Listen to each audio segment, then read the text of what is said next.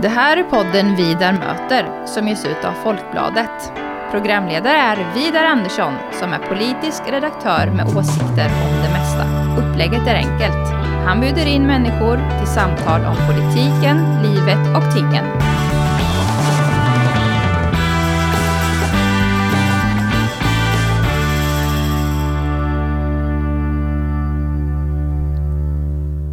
Välkommen till Vidar möter Lotta Gröning. Ja, men vad roligt. Välkommen hit Vidar, Ja. Lotta.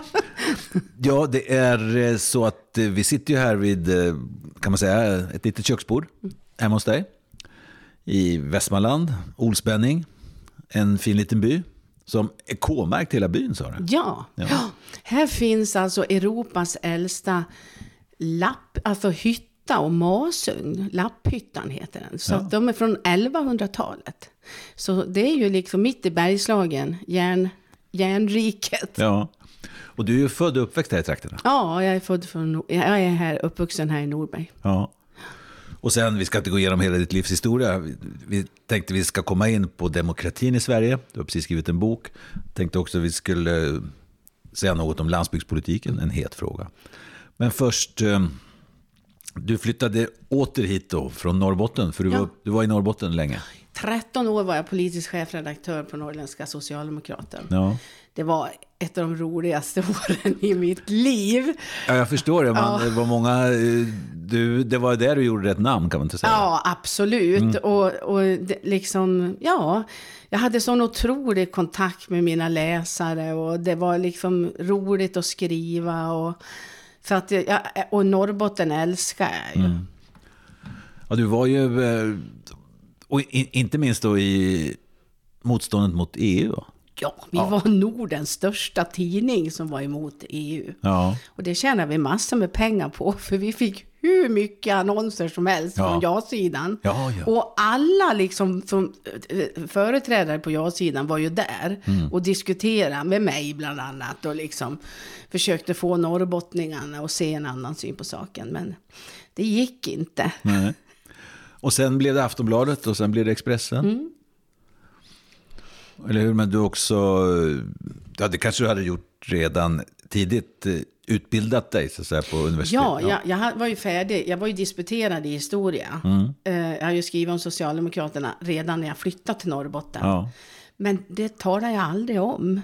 Därför att jag kände att... ehm, Det var ingen Nej, det var inget att skryta om.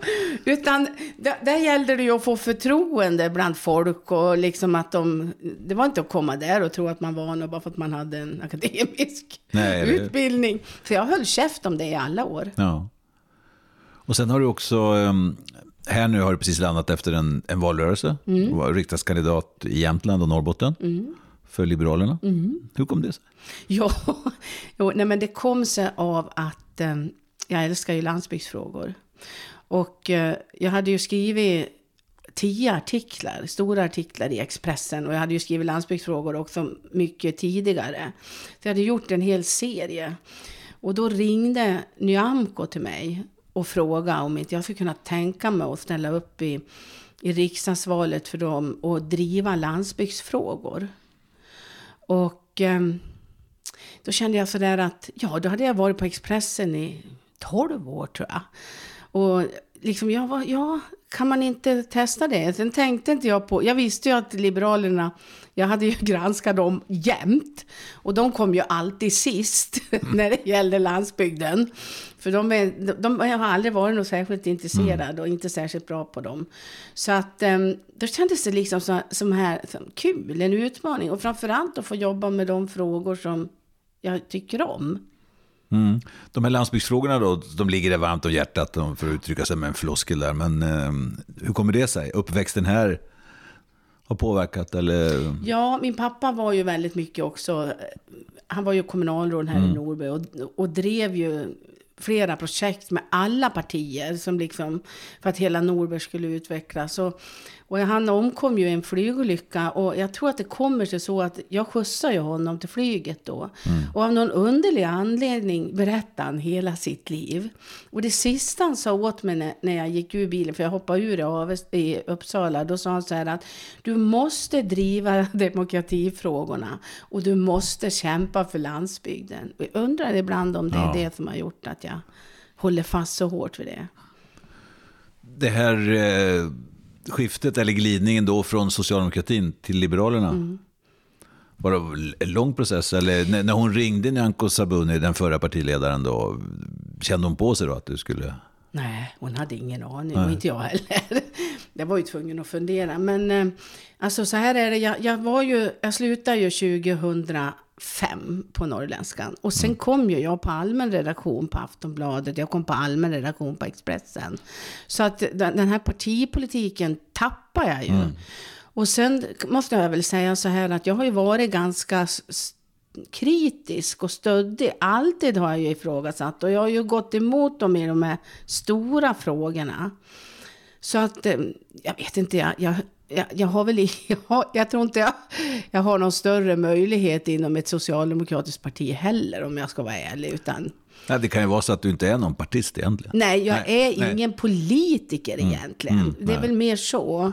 Jag, jag, jag, jag, är ju, jag är ju en individualist. Mm. Jag måste nog säga att jag är det. Är det något, kan, kan man uttrycka sig så fyrkantigt som att vara individualist? Är det någon karaktärsdrag alltså som är mer utmärkande på landsbygden? Nej, jag vet inte. Alltså, det var det som var så roligt när jag kom till Liberalerna. För att Liberalernas, alltså deras bästa och sämsta sida, det är ju att man får göra som man vill. Mm. Och när jag åkte ut i, i, i Norrbotten och Jämtland, så som driv vad du vill och se till och säg bara att du liksom, att du, du representerar oss och du ska driva frågorna i riksdagen. Och, det liksom, det, och, och, just det här att man fick vara den man var, mm. det är ju inte riktigt så inom socialdemokratin. Och vad heter det? Men samtidigt är ju det också Liberalernas största svaghet. Mm. Det är ju mm. därför vi har de här interna bråken mm. hela tiden och så. Men jag, jag, känner mig hemma i Liberalerna på det viset att demokratifrågorna, de hjälpte Hjalmar Branting in i riksdagen. Mm. Kvinnorna, kvinnorna har alltid haft bättre ställning inom partiet och liksom än vad mm. arbetarrörelsens kvinnor hade som länge fick koka kaffe. Och de tog dessutom hand om arbetarrörelsens kvinnor, väldigt många. Mm. Så att ehm, Ja, nej, men det, ja, det, är två partier som är väldigt nära varandra och som har samarbetat väldigt länge. Så för mig var det inget stort steg. Mm. Förstår du? Nej, nej, visst, absolut. Jag, och jag har ingenting emot Socialdemokraterna, men jag tänker så här. Jag tänkte så här hela tiden att nu har de suttit åtta år. De har liksom gjort allt för att behålla makten. De har dagtingat med sin ideologi. De har dagtingat liksom med sina medlemmar. De har dagtingat med mycket. Jag tror att det är så här. Det bästa för dem nu det är att Hjälp dem, sa jag i valrörelsen ofta, att, att, att hitta sig själva. Byt regering och låt dem nu fundera på vilka de representerar, vilken ideologi de ska ha och på vilken väg de ska ta framåt. Jag tror att de behöver det. Mm. Vi får se. Min erfarenhet av eh, Socialdemokraterna i opposition, det är bara 17 år sedan 1932 faktiskt.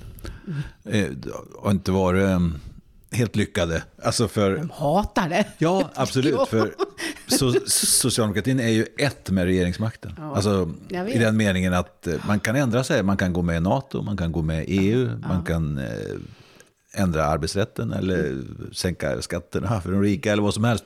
Eftersom om uppdraget kräver det, mm. verkligheterna eller det bästa för socialdemokratin, så kan man göra det. Och så länge man är i regering så är partiet i stort sett med på det. Ja, och nu är det, ja, visst är det väl så. Jag minns Göran Persson när han hamnade på Torn, Det var det värsta visste. Skrek. Vi hade ingen nytta av att sitta på tronen. Det gav oss ingenting. Nej, visst. Nej. Nej det var helt, helt uselt. Ja, ja, men nu är det ju så att de har ju förlorat väldigt mycket medlemmar. Det har ju alla partier ja, i och för sig. Ja.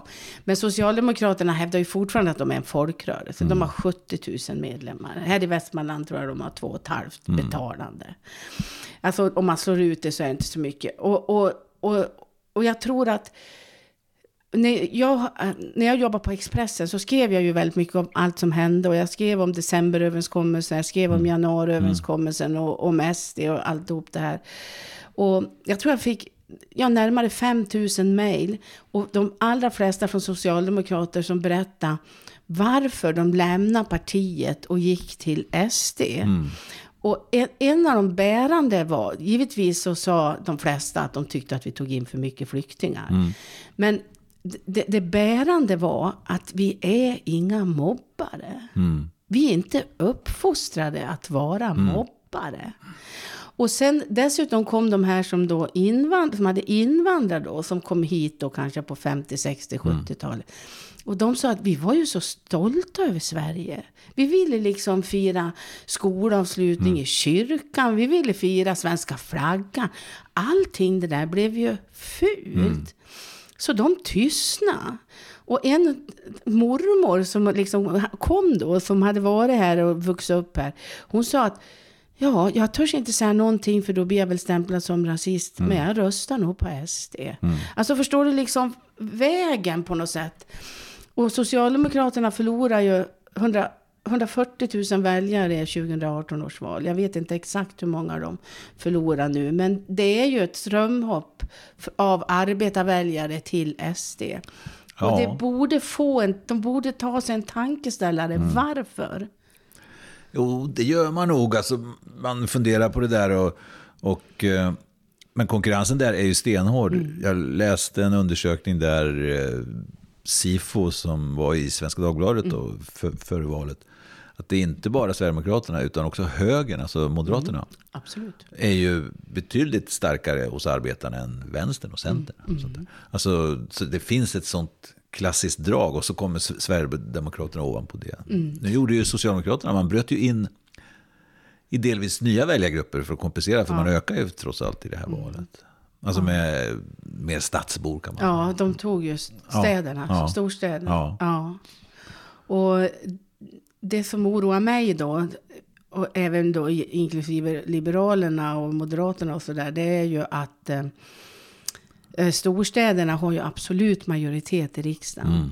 De har tolkningsföreträde för landsbygden och de bestämmer vad, vad som är bäst för oss. Mm. Och det hur syns mig. det där? Eller om man säger hur... Eh, ja, på vilket sätt kan man peka på det? På vilket sätt det missgynnar landsbygden? Jag tycker att du kan titta på utvecklingen. Där, titta på de här som har suttit de senaste 40 åren. De som har slutat rösta nu. Mm. Eller som röstar på Sverigedemokraterna. Mm. Det är ingen mening. Mm. Det, det, det, blir, händer ingenting. Vi blir bara färre och färre. Du vet aktiv flyttningspolitik, centralism, eh, storskalighet. Mm. Det är ju liksom lite av Socialdemokraternas signum. Och nu om du tittar på de här stora miljö och industriprojekten nu som är mm. efter. Det drar ju också ur hela landsbygden. Mm. Alltså ta Skellefteå till mm. exempel. Mm. De håller på att gå under till exempel i sjukvården. Mm. Bara för att industrin ger dem mycket högre löner. Och man vill inte jobba då med äldre och med sjuka. Nej, visst. Och jag vet att jag var ju, jag var och besökte, eh, faktiskt med Johan Persson, var vi och besökte Northvolt och träffade mm. vdn och deras eh, chefskommunikatör. Och de sa att deras största problem, vet du vad det är? Det, det är ju dels då att rekrytera rätt personal. Mm. Men det är att de som kommer från Asien och är experter, de litar inte på svensk sjukvård. Nej. De vill inte gå dit. Och kommer vi inte att få en sjukvård då som de också kan acceptera och som dessutom fungerar, för det, det är ju katastrof både i Norrbotten och, och i ja, Jämtland och Västerbotten. Mm då åker de hem igen. Mm. Ja, allting, allting hänger ihop med allt. Allt hänger ihop med ja, allt. Ja, visst. Och eh, det finns... Eh, det finns stora reformbehov här. Jag, jag tänkte, vi har ju varit inne på demokrati och på Sverigedemokraterna. Du mm. nämnt det flera gånger. Men kan det vara så här, blir det, en, blir det en sämre demokrati om folk röstar på Sverigedemokraterna? Istället för att rösta på något annat? Kan man säga så? Eller vad? Nej, alltså, demo, de, alltså jag tror Sämre demokrati. Det var en svår fråga. Ja. ja. Nej men... Um, Ja, det, alltså det, det, det, det återstår ju att se då. För jag har, vet vad jag har tänkt på nu när de håller på och regeringsbildar? De har slagit som alla viktiga utskott. Utom det som berör landsbygden. Det gav de till Miljöpartiet. Och det måste ju nästan vara en spark i för väldigt många Ja. av alltså landsbygdsfolket. För, för de sätter ihop miljö och jordbruk och jordbruket håller på att gå under. Så att, eh, för att jag, jag måste säga att jag är lite orolig, liksom, för att jag märkte ju i valrörelsen att SD var ju inte alltid på plats. De hade ju en rikslista och det var Jimmy Åkesson som stod först. Ja. Och det var, vi, vi andra, liksom Centern och vi slogs mot varandra och sen tog SD alla mandat. Mm, I alla fall, ja. Ja, för att, men alltså om, om de, de pratar ju till landsbygdens folk utifrån det de behöver. Alltså att man måste kunna billig bensin och liksom att man, man utifrån de livsvillkor som är på landsbygden. Ja. Och, och om de lever upp till det, då kanske det blir en bättre demokrati om folk börjar rösta igen. Och kanske de andra partierna förändrar sig. För att för första gången fick vi ju ändå landsbygden lite grann i valrörelsen. För det, hade, det var till och med uppe i tv-debatt. Det brukar det aldrig vara annars. Mm, men just det här, om man säger spänningen mellan stad och land och, och konflikten mellan stad och land. Eh, politiken och journalistiken vill ju gärna söka sig till en konfliktlinje. Så jag, jag, jag håller med dig att det fanns mer av det i årets valrörelse än vad det brukar vara. Ja. Ja. Och jag, Och, ja, och förmodligen en del, delvis, till stor del kanske beroende på Sverigedemokraterna just att man, man satsade, eller retoriskt i alla fall, jag vet inte hur mycket man var ute på landsbygden sen. Nej, men, alltså- man satsar. Ja, Ja, ja. Det gjorde man. Och dessutom Moderaterna, om jag tittar på Norrbotten, de tog företagarna. För att, Älv, eller om du tar Älvsbyn, eh, det är en av de mest företagstäta kommunerna Mm. i, i Norrbotten. Eh, Moderaterna gjorde storslam. Jokkmokk, du vet med sina Ja, elva ja. kraftverk och socialdemokratiskt styre. De leder alltså bland tio i topp både när det gäller företagande och nyföretagande. De anställer fler människor än kommun. Där gick Moderaterna också fram. Så att de, de, de, var ju ute med, de är ute med företagarna. Och just det här att det är, näst, är det över 90 procent som är små företag med, 10, med upp till 10 anställda och mer. Och de kom ju aldrig heller fram egentligen i debatten. De, de fick ju heller egentligen aldrig något coronastöd eller Nej, någonting. nej. Utan de, de bara rasar ju igenom. Så att, ja, det, så, så på det viset så är det ju... Alltså, det, man ser ju en effekt, men jag, jag tror att vi måste göra en, en, en förändring. Alltså, vi måste alltså demokratin, om du har de fyra största storstäderna som har egen majoritet nu. Det är inte okej. Det är nästan så att, jag, att man, skulle, man måste hitta ett system typ andrakammarriksdagen där även små kommuner utanför storstäderna har en röst i riksdagen. För du har ju, även om du får in då två stycken från, från inlandet i Västerbotten. De har ju inte en chans i riksdagsgruppen eller någonting. Utan, alltså, för det är ju så att det är ju ren diskriminering som pågår, både demokratiskt och av landsbygden då. Och då blir man ju ännu mer förbannad med tanke på vad landsbygden då, om man tittar på Norrlandslänen och skogslänen och vad de bidrar med, eller Skåne med jordbruket. Det, det är liksom som de inte finns.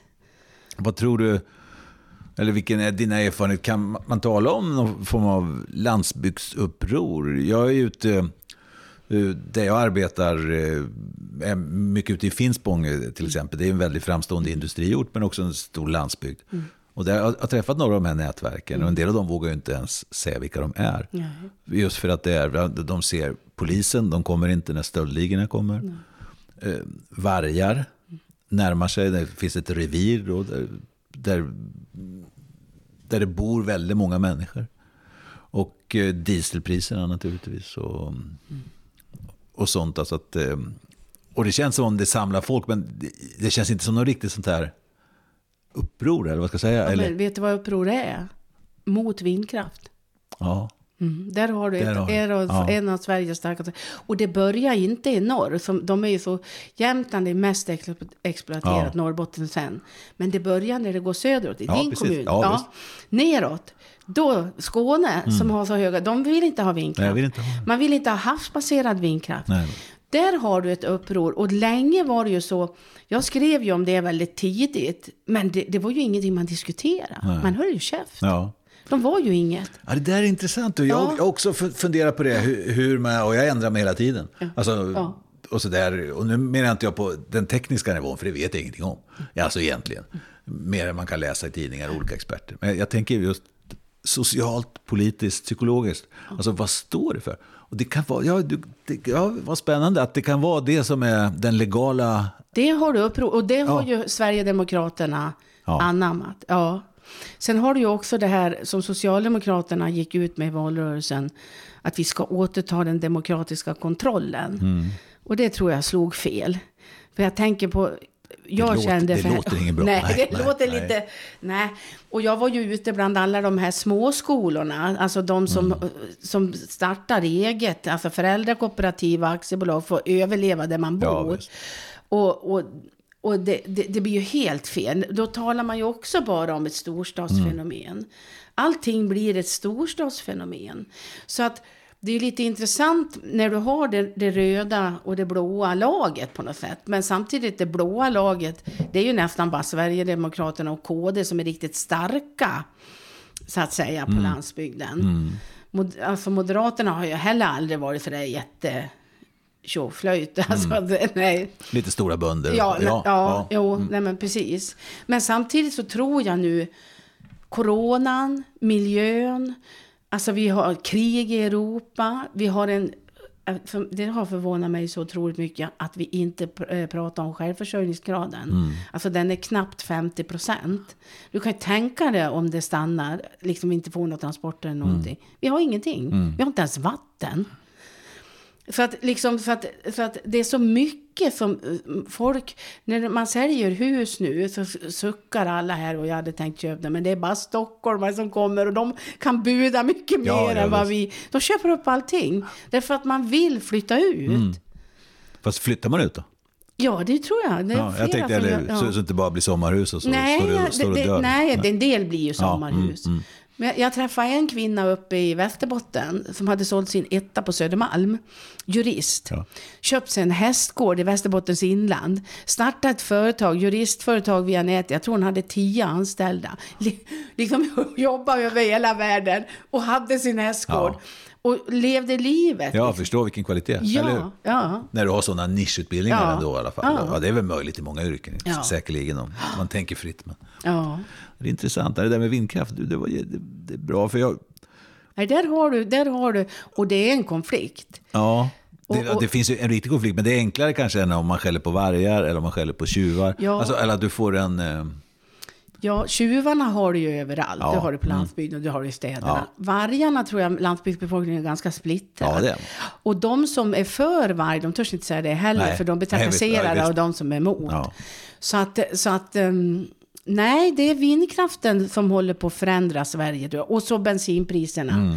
Att man inte, alltså i dagens läge skulle det gå att göra differentierade bensinpriser. Till exempel genom att man betalar min, nästan ingen skatt för de här vägarna med bara potthål. Ja, ja, visst. och liksom kompensera det då istället för liksom. Det, det finns ju möjligheter och det finns folk som har tänkt om det här. Så att eh, nej, så att eh, det, det var ju det, det gick, drev vi väldigt hårt också. Och i Jämtland, alltså, folk är ju desperata. För alltså, nu börjar byar och utvecklas. Vi har en by, Kaxås, som liksom... Eh, Dan Persson heter han, från, heter han det? Från, Skå, från miljardären från Skåne. Ja, Dan Jonsson. Han, IT-miljardären. Ja, jag, jag vet vad du menar. Ja, i alla fall. Han har ju hus i Kaxås. Och han, först räddade han skolan. Då skulle de lägga ner den. Han, vad, vad skulle de, hur mycket kostade det? 350 000. B- Körde han in det. Sen har han nu sett till att bygga 35 enfamiljshus. 200 personer på väg att flytta in i Kaxås. Vad gör då kommunen? Jo, de tänker omringa, det ligger i en dal, med bara vindkraftverk. Då vill inte folk bo där. Nej. Alltså det, liksom, för nu har de fått bort en park och de kommer ju att kämpa på det. Men liksom, ja, Dan Olofsson heter Mm. mm. Just det, det har jag läst om. Han är engagerad där uppe. Ja, han, ja. Zlatan också ja, han, Ja. Har, han har också just Ja, just det. Ja, Ja, det är inte lätt.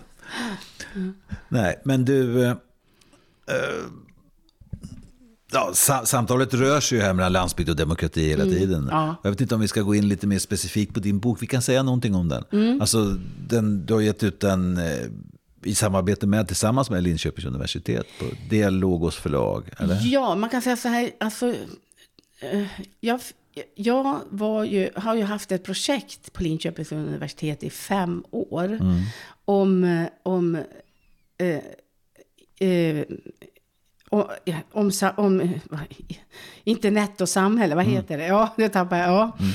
Och jag fick alltså, över en lunch, så fick jag fem miljoner av Carl Bennet. Jag höll på att ramla av stolen själv.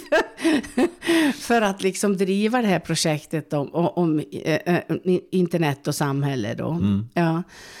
Eh, och ehm, det, de pengarna la jag på, jag fick ju inte pengarna själv. De pengarna la jag på Linköpings universitet.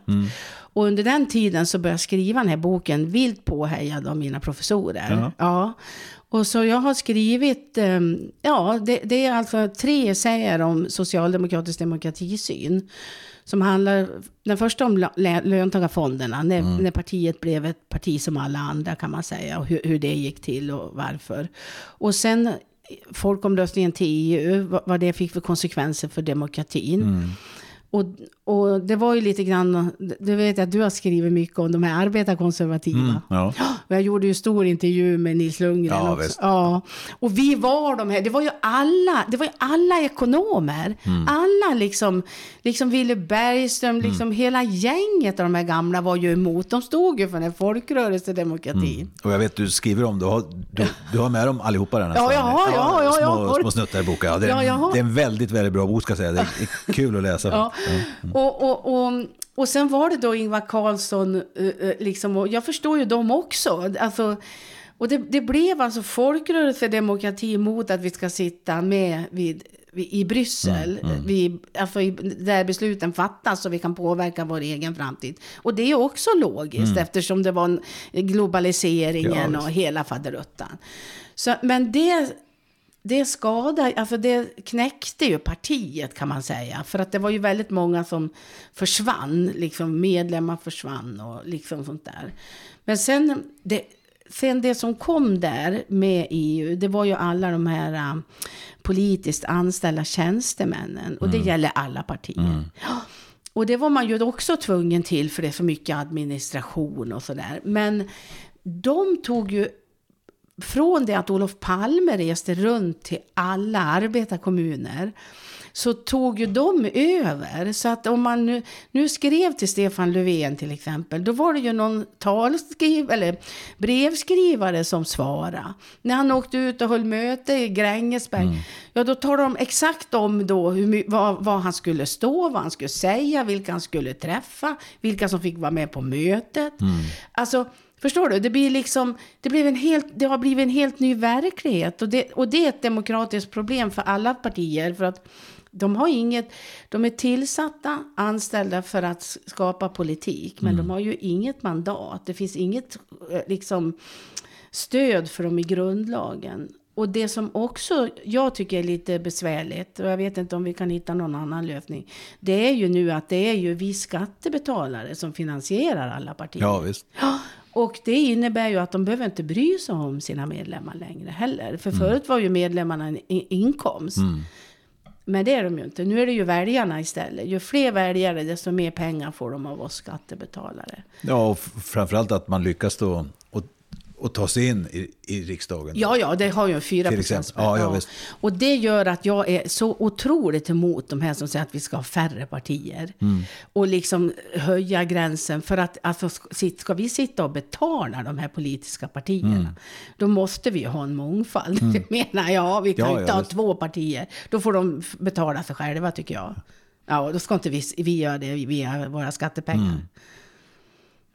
Nej, man kan väl inte säga vad som är lagom antal partier. Det är klart att spärren har ju betydelse och nu förs ju en intressant debatt om den här spärren. Att den faktiskt innebär att de kommer aldrig att, att åka ur. För det, det är alls där liksom stödröster, man behöver de här två små. Ja. Jag läste en forskare eh, som skrev om det här, det har varit en intressant debatt på sociala medier. Eh, med, med många olika inlägg, alltså att, att det, blir, det blir så att man kommer aldrig åka ut då. Alltså för Mm. Det blir de viktigaste rösterna. Om det, säger, om det ska bli en sosseseger kanske, då måste Miljöpartiet in. Ja, det Alltså, måste de. Ja, och- stödröster. Ja, Ja. Och Liberalerna måste in om det ska bli en höger. Ja.